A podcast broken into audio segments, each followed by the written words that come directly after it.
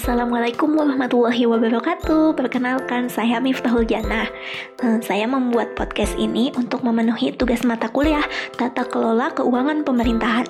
Nah di sini uh, pertama saya ingin membahas mekanisme penyusunan RAPBD Pasti para pendengar sudah tidak asing lagi ya dengan yang namanya APBD. Eh, APBD atau Anggaran Pendapatan dan Belanja Daerah adalah rencana keuangan tahunan pemerintah daerah di Indonesia yang disetujui oleh Dewan Perwakilan Rakyat Daerah mekanisme penyusunan APBD berdasarkan Peraturan Pemerintah Nomor 12 Tahun 2019 tentang pengelolaan keuangan daerah. Langkah pertamanya adalah penyusunan rencana kerja pemerintah daerah. Di sinilah pemerintah daerah akan menetapkan program dan kegiatan yang akan dilaksanakan oleh daerahnya. Hmm, berdasarkan jangka waktunya, perencanaan di tingkat daerah ini dibagi menjadi tiga. Pertama, rencana pembangunan jangka panjang daerah yaitu rencana perencanaan yang jangka waktunya adalah 20 tahun. Uh, perencanaan ini akan berpedoman pada visi, misi, dan arah pembangunan yang telah ditetapkan oleh daerah masing-masing. Kemudian ada rencana pembangunan jangka menengah daerah. Perencanaan ini ditujukan untuk lima tahun ke depan. Nah, rencana pembangunan jangka menengah daerah ini adalah penjabaran dari rencana pembangunan jangka panjang tadi, yaitu akan berfokus pada arah kebijakan keuangan daerah, strategi, strategi pembangunan daerah, kebijakan umum, program kerja, rencana kerja atau kerangka regulasi, rencana kerja atau kerangka pendanaan. Kemudian ada rencana kerja pemerintah daerah yang jangka waktunya adalah satu tahun. Nah, rencana ini bukan berfokus pada rancangan kerangka ekonomi daerah, prioritas pembangunan daerah, dan rencana kerja dan pendanaan. Setelah rencana kerja pemerintah daerah atau yang disingkat RKPD selesai disusun, kemudian langkah selanjutnya adalah penyusunan rencana kebijakan umum APBD serta prioritas dan platform anggaran sementara. Nah, rencana kebijakan umum APBD ini disusun agar nantinya proses penganggaran itu akan sesuai dengan peraturan yang berlaku. Sedangkan prioritas dan platform anggaran sementara atau yang disingkat PPAS maksudnya adalah batas patokan maksimal anggaran yang diberikan untuk SKPD. Nah, prioritas dan platform anggaran sementara ini akan dibahas oleh pemerintah daerah dan DPRD dengan mempertimbangkan urusan wajib dan urusan pilihan daerah mereka. Langkah ketiga adalah penyusunan rencana kerja dan anggaran SKPD. Nah, nantinya para SKPD akan menetapkan rencana kerja mereka masing-masing dan anggaran yang diperlukan. Kemudian langkah keempat, penyusunan rancangan perda APBD untuk kemudian diajukan ke DPRD. Nah, sebelum diajukan ke DPRD, rancangan perda APBD itu nantinya akan dipublikasikan kepada masyarakat terlebih dahulu karena masyarakat memiliki hak untuk mengetahuinya sebelum disahkan. Langkah selanjutnya, langkah kelima, jika rancangan yang diajukan tadi disetujui, maka akan ditetapkanlah APBD baru. Jika tidak disetujui, maka pemerintah daerah akan melakukan pengeluaran sebanyak-banyaknya sebesar angka dari APBD tahun sebelumnya. Nah, di sini saya akan memaparkan Peraturan Daerah Kabupaten Tanah Laut Nomor 17 Tahun 2019 tentang APBD Tahun Anggaran 2020. Nah, di sini uh, pendap uh, belanja daerah, belanja daerah Kabupaten Tanah Laut di tahun uh, di APBD tahun anggaran 2020 sebesar 1922,8 triliun. Hmm, sedangkan pendapatan daerah sebesar 80% dari belanja daerah tadi yaitu sebesar 1.504,8 triliun. Jadi ada sekitar 20% uh, eh, surplus ataupun defisit yaitu sebesar 418 M miliar maksudnya. nah, uh, untuk rinciannya urusan pemerintahan daerah Pada urusan wajib pelayanan dasar digunakan sebesar 60,2 persen. Urusan wajib bukan pelayanan dasar menggunakan 7,6 persen. Urusan pilihan menggunakan 4,4 persen. Urusan pemerintahan fungsi penunjang menghabiskan 27,8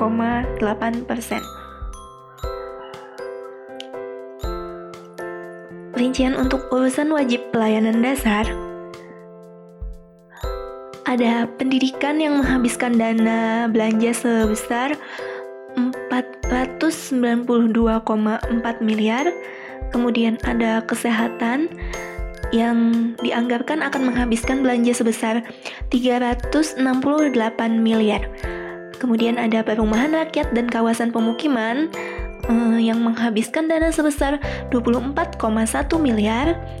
Lalu ada sosial sebesar 36,6 miliar. Pekerjaan umum dan penataan ruang yang dianggarkan akan menghabiskan belanja sebesar 220,9 miliar dan terakhir ada ke, untuk urusan ketentraman dan ke, ketertiban umum serta perlindungan masyarakat yang dianggarkan akan menghabiskan belanja sebesar 16,6 miliar. Kita berlanjut ke topik selanjutnya yaitu pendapatan asli daerah Kabupaten Tanah Laut tahun anggaran 2020. Pendapatan asli daerah Kabupaten Tanah Laut yang paling utama yaitu bersumber dari pajak daerah yang berhasil menyumbang sebesar 21,6% dari keseluruhan pendapatan asli daerah Kabupaten Tanah Laut eh, dalam nominal yaitu sebesar 32,4 miliar rupiah. Kemudian ada sumber dari retribusi daerah yang sebesar 6,1 persen, nominalnya 9,2 miliar rupiah. Kemudian ada pengelolaan kekayaan daerah yang dipisahkan yang sebesar 7,7 persen, nominalnya 11,5 miliar rupiah. Dan terakhir ada sumber dari lain-lain pendapatan asli daerah yang sah yaitu sebesar 64,6 persen, nominalnya 96,9 miliar rupiah. Rincian PAD eh, yang pertama tadi kan pajak daerah. Pajak daerah ini bersumber dari pajak hotel, pajak restoran, pajak hiburan, pajak reklame, pajak penerangan jalan, pajak parkir, pajak mineral bukan logam, pajak air tanah, pajak sarang burung walet, pajak bumi dan bangunan, perkotaan dan pedesaan, serta bea perolehan hak atas tanah dan bangunan. Uh, tetapi di Kabupaten Tanah Laut ini untuk pajak sarang burung walet uh, agak mengalami sedikit kesulitan untuk mengumpulkannya karena uh, masyarakat yang memiliki usaha uh, sarang burung walet tersebut masih kurang patuh untuk membayar pajak. Dari susahnya ditemui pemilik uh, pemilik usaha yang sebenarnya di tempat usaha dan lain-lain.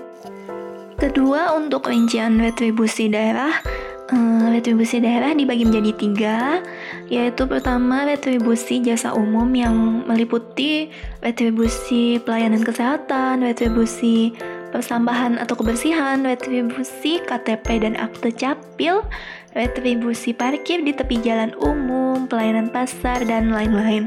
Kemudian yang kedua, retribusi jasa usaha yang ini meliputi retribusi pemakaian kekayaan daerah seperti retribusi pasar, grosir atau pertokoan, retribusi tempat pelelangan, retribusi terminal, retribusi tempat khusus parkir, retribusi tempat penginapan, retribusi rumah potong hewan, retribusi tempat rekreasi dan olahraga, retribusi penyeberangan di air, serta retribusi penjualan produksi usaha daerah.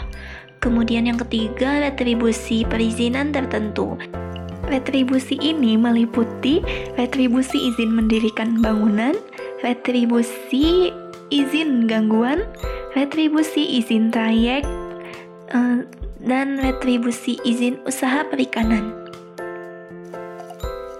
Rincian pendapatan asli daerah ketiga yaitu pengelolaan kekayaan daerah yang sah.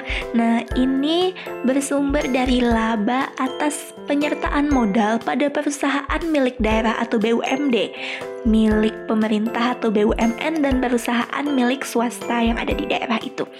Nah, keempat lain-lain Pendapatan asli daerah yang sah ini bersumber dari hasil penjualan aset daerah yang tidak dipisahkan, jasa giro, pendapatan bunga deposito, tuntutan ganti kerugian daerah, komisi, potongan dan selisih nilai tukar rupiah, pendapatan denda atas keterlambatan pelaksanaan pekerjaan, pendapatan denda pajak, pendapatan denda retribusi, pendapatan hasil eksekusi atas jaminan, pendapatan dan pengembalian, fasilitas sosial dan fasilitas umum, pendapatan dan penyelenggaraan pendidikan dan pelatihan, pendapatan dari asuransi atau cicilan penjualan, dan hasil pengelolaan dana bergulir.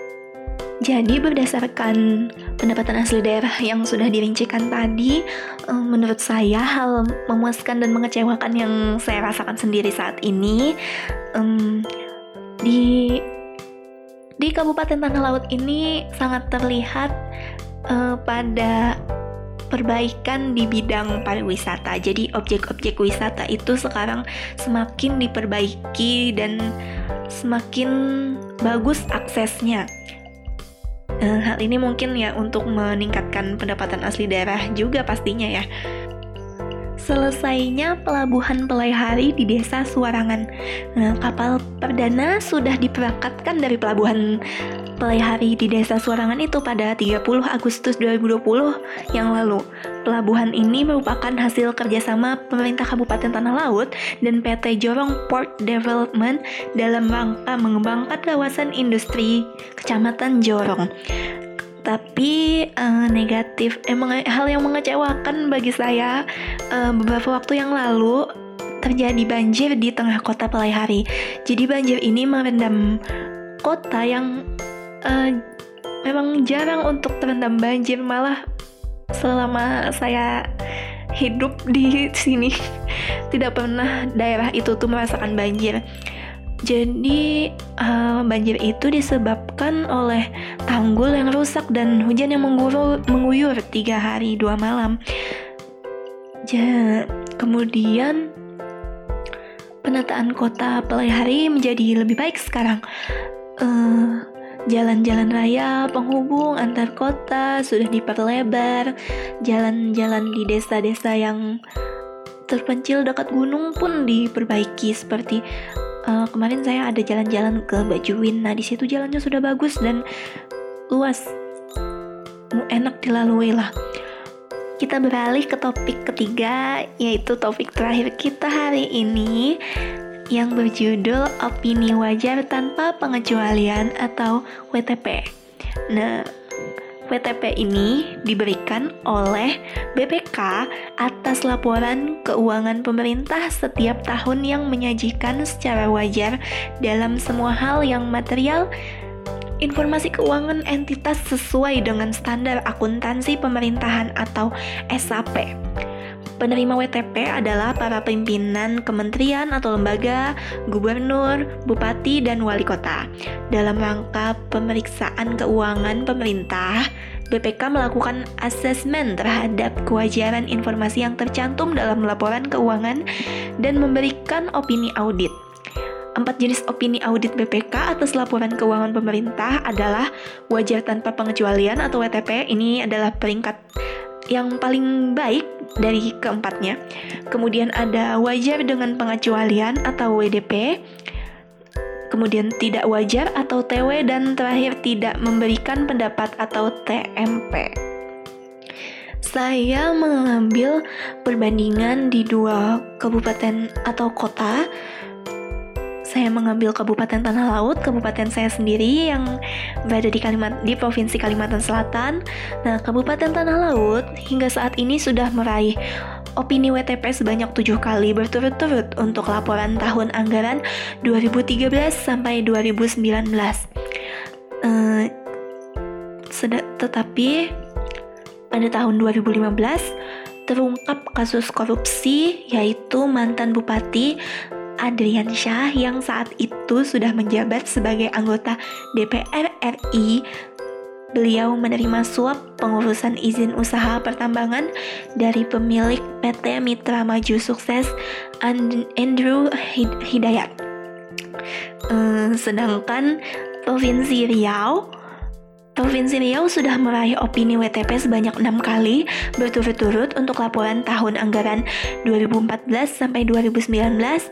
Tetapi di sini juga pada tahun 2014, selang tujuh bulan setelah Anas Ma'amun dilantik menjadi gubernur Riau, ia ditangkap KPK atas kasus suap alih fungsi lahan. Nah, Anas Ma'amun juga terseret sebagai tersangka dalam kasus suap pembahasan APBD dan RAPBD Riau. Jadi bisa kita lihat walaupun sebuah kementerian atau lembaga, pemerintah provinsi, pemerintah kabupaten ataupun pemerintah kota, walaupun mereka menerima opini wajar tanpa pengecualian atau WTP, tetapi itu tidak menjamin bahwa daerah mereka bebas dari yang namanya korupsi, kolusi, nepotisme. Karena WTP ini merupakan hanyalah penghargaan atas laporan keuangannya yang disusun oleh pemerintah tersebut setiap tahun yang menyajikan wajar, tidak ada yang mencurigakan secara tertulis, tetapi secara realita kita tidak tahu. Tetapi dengan adanya pemberian opini WTP ini diharapkan para kepala daerah itu akan lebih bersemangat untuk menyusun laporan keuangannya dengan baik baik dalam secara tertulisnya maupun secara realitanya itu saja yang bisa saya sampaikan.